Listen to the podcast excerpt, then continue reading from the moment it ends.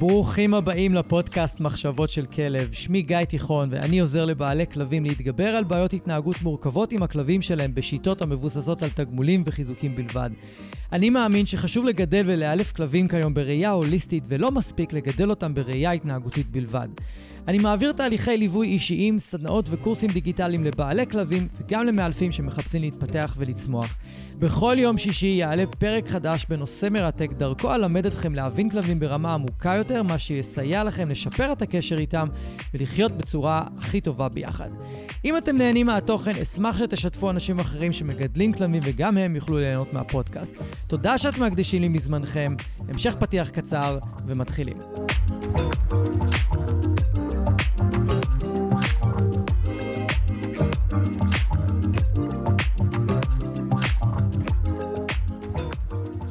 אהלן וברוכים הבאים לעוד פרק קצר בפודקאסט. היום אני רוצה ללמד אתכם על עקרונות הגישה ההוליסטית, מה בעצם עומד מאחוריה, על מה היא נשענת ולמה היא הופכת להיות לאט-לאט, אבל בבטחה, הגישה המובילה בעולם. היא לאט-לאט הופכת להיות הגישה שהולכת להיות הסטנדרט בכל מה שקשור לאילוף כלבים, בכל מה שקשור לגידול ואימון כלבים, אין לי ספק בכלל.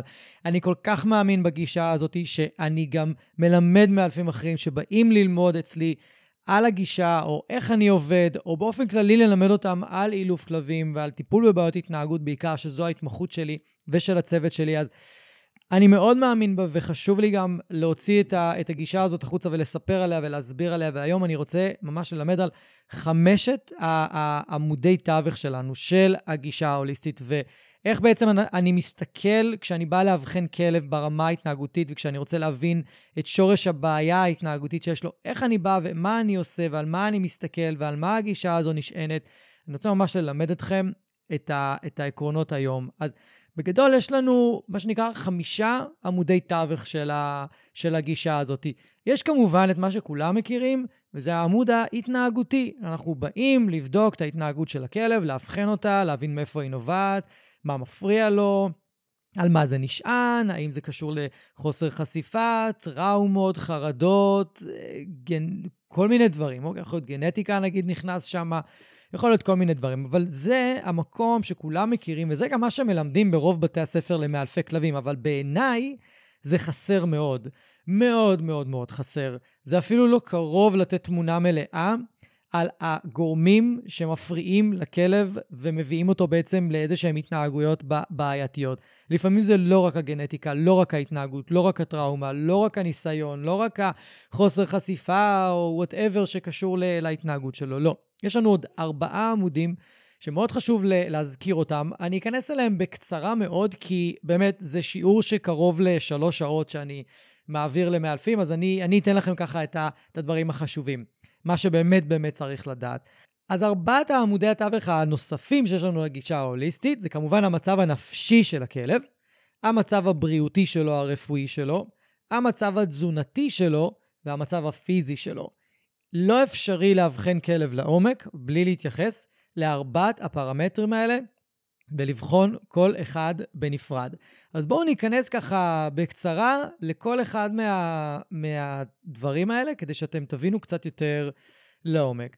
אז כמובן, במצב רפואי, אני חושב שזה הדבר שהכי ברור והכי מובן לאנשים, שאם הכלב חולה או לא בריא, או שיש איזה שהן בעיות כרוניות, דלקות כרוניות, אלרגיות כרוניות, שלשולים כרוניים, או כל מיני דברים שפיזיים, אפשר לראות אותם, שמפריעים לכלב, זה ברור לחלוטין שתהיה לו קשה להתנהג בצורה המקסימלית שלו, זה ברור לחלוטין שהוא יהיה עצבני אולי, במיוחד אלרגיות, במיוחד דלקות אוזניים כרוניות, או דלקות עור שמגרדות נורא וגורמות לפצעים. דברים האלה נורא נורא נורא מציקים, ואני לפעמים נתקל באנשים ש... באמת לא עצרו רגע שנייה לחשוב, וברגע ש... אה, כזה הערתי לתשומת ליבם את העניין הזה, הם לא עצרו לחשוב שאם הכלב שלהם מתגרד כל היום, הוא הולך להיות עצבני. דמיינו את עצמכם מתגרדים כל היום ולא מצליחים להפסיק, ועוד שיש מישהו שאומר לכם לא לגרד מקום שאתם מתים לגרד אותו, רק עצבים. אז לא פלא שכלבים כאלה שסובלים מכל מיני בעיות כרוניות יכולות, יכולים ממש להיות עצבניים. ונורא נורא חשוב אם יש בעיה כזאת, כמובן לטפל בה. עכשיו, מצב רפואי לא תקין של הכלב לא תמיד יתבטא במשהו חיצוני, זה לפעמים יתבטא בהתנהגויות מסוימות. לפעמים יש בעיה ב, ב, ב, שאפשר לראות אותה בבדיקות דם, לפעמים יש בעיה בשתן, בצואה, לפעמים בעיה באחד האיברים.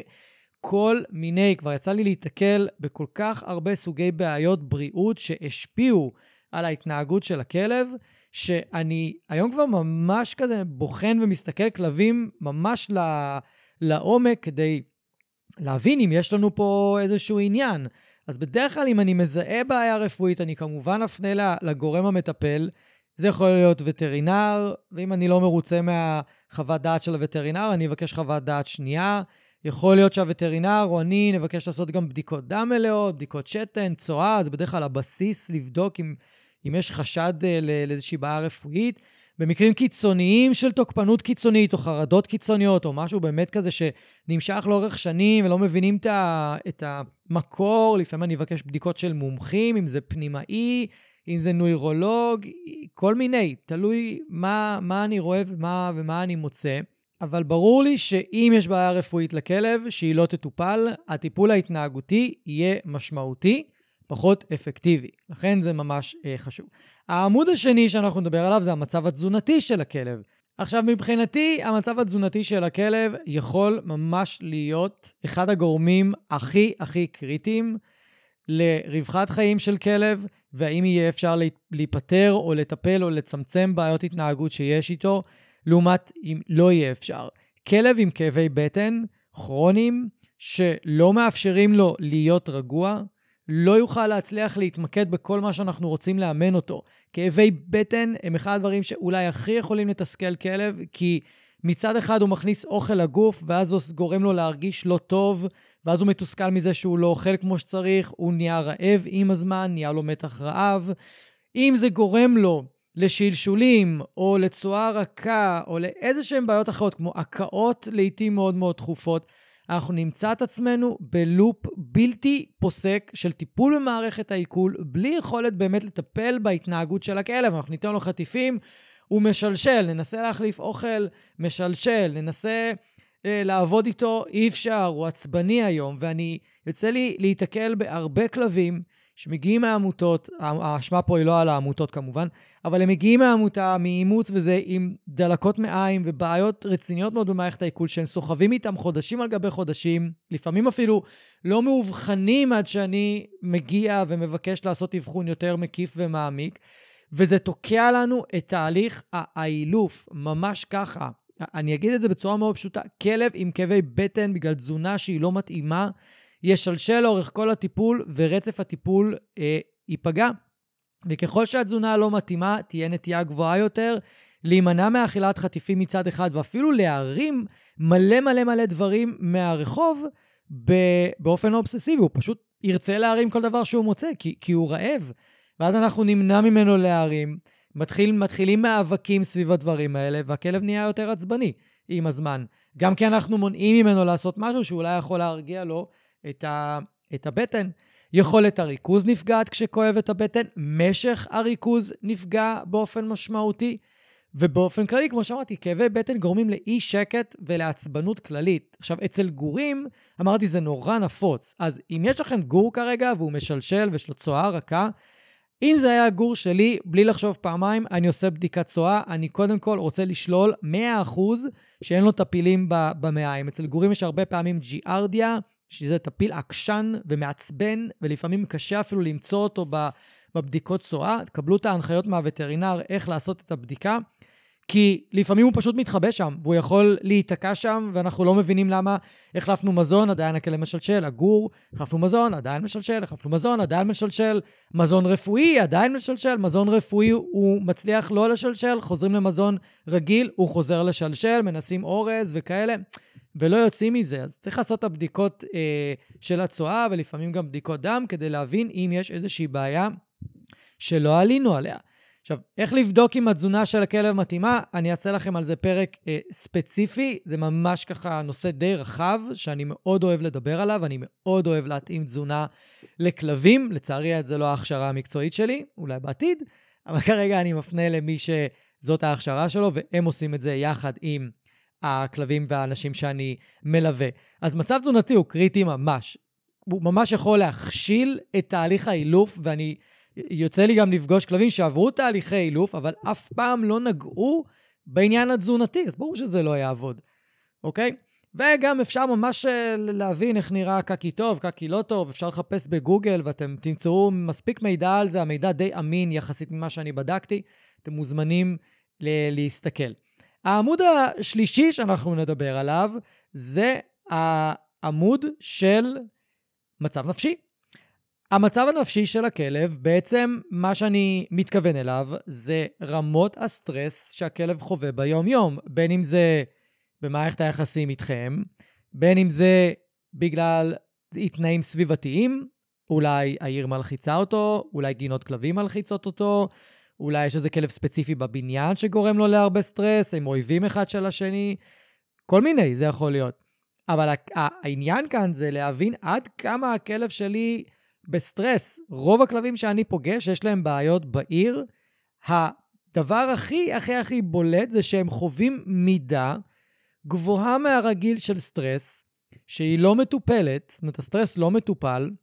הרבה פעמים גם האנשים לא מודעים לזה. ולפעמים קשה להיות מודעים לזה, כי אנחנו רגילים לכלב שלנו, אנחנו רגילים אליו ולראות אותו כמו שהוא מאז שהוא גור, ולפעמים אנחנו פשוט לא קולטים ש... וואלה, הכלב שלי בסטרס, אבל אני כבר רגיל לראות אותו ככה, אז אני לא מבין שזה סטרס. וזה די נפוץ, אל תרגישו אה, לא טוב עם זה. בשביל זה קיימים אנשי מקצוע שבאים מבחוץ ומראים לכם איך בעצם לאבחן ולזהות סימני סטרס. וכדי לעזור לכם לזהות סימני סטרס, אני אעשה על זה פשוט פרק נפרד, חפשו אותו, אם אתם מקשיבים לזה, סביר להניח שזה פרק שיהיה אה, אחרי, ואני אעזור לכם לזהות סימני אה, סטרס. מי שסובלים הכי הכי הכי הרבה מסטרס מצטבר בעיר, זה כמובן כלבי הפריה, שדיברנו עליו בפר... עליהם בפרק 10, פרק על כלבי הבר, פרק שעבר כבר את האלף הורדות עד עכשיו, פרק הכי מואזן בפודקאסט. וכלבים רגישים, כלבים שיש להם רגישויות לסביבה, לאנשים, לכלבים אחרים, לכל מיני שינויים סביבתיים. הם פשוט לא, לא מתמודדים עם זה טוב, אז הם צוברים הרבה מאוד סטרס. עכשיו, כלבים שחווים הרבה מאוד סטרס חייבים לקבל הרבה מאוד פעילויות של פריקת מתח. לא פריקת אנרגיה בהכרח, פריקת אנרגיה יכולה לעזור, אבל פעילויות פורקות מתח הן הרבה יותר יעילות מאשר פעילות, פעילויות פורקות אנרגיה. זה לא אותו מסלול במוח, זה לא אותו מסלול בגוף, שפורקים אנרגיה, לא בהכרח פורקים סטרס, מה לעשות? וחשוב לקחת את זה בחשבון. ופעילויות שפורקות סטרס יכולות להיות, יכולות להיות ריחרוח מסיבי בטיול, יכול להיות לצאת למקום פתוח. יש הרבה, גם כתבתי על זה בניוזלטר שלי, וגם סביר להניח שמתישהו גם אני אעשה על זה פרק, כי זה גם נושא מאוד אה, חשוב. לפעמים יש לשקול טיפול תרופתי אם, אם המצב מאוד מאוד חמור, זה נורא, אה, נורא יכול לעזור. העמוד הרביעי שאנחנו אה, נדבר עליו, והאחרון, זה המצב הפיזי של הכלב. וכשאני מדבר על מצב הפיזי, בדרך כלל, חוץ מהאם השלד של הכלב תקין, האם באופן כללי המבנה שלו תקין, זה חשוב מאוד. אני מכיר כלבים שהמבנה שלהם לא תקין, וזה גורם להם לבעיות. זה גורם להם לא לרצות לשחק עם כלבים, כי כואב להם קצת לזוז, או לא נוח להם לזוז, או שהם מרגישים לא בנוח עם הגוף שלהם, בדיוק כמו בן אדם שנולד עם איזושהי אה, בעיה מבנית כלשהי, והוא לא זז 100%, כמו בן אדם רגיל. אותו דבר גם כלב יכול להרגיש ככה.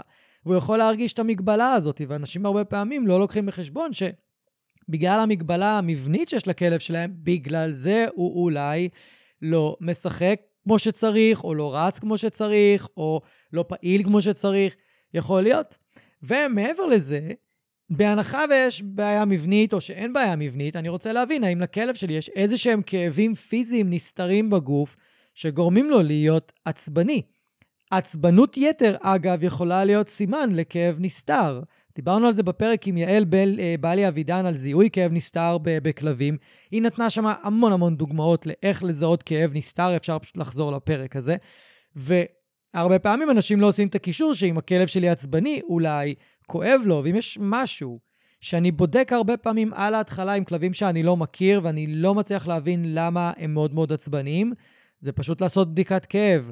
וטרינר יכול לעשות בדיקת כאב, אבל לפעמים הוא לא יעלה שום דבר, כי כלבים נוטים להסתיר כאב, הם מכוותים גנטית להסתיר כאב הישרדותית.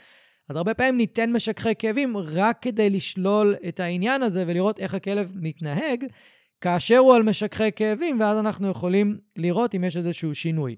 אם יש שינוי מורגש בהתנהגות של הכלב, בהכרח הרבה פעמים יש כאב נסתר וצריך לטפל בזה, צריך להבין מאיפה זה מגיע. ואז זה עוזר לנו גם לטפל ברמה ההתנהגותית, כי לפעמים יש התנהגויות שנובעות מהכאב, כמו נבחנות מוגזמת, למשל, רגישות לרעשים, רגישות גבוהה לרעשים היא אחד הסממנים לכאב נסתר, ולפעמים אנחנו רואים שנתנו בשקר כאבים, הנבחנות יורדת.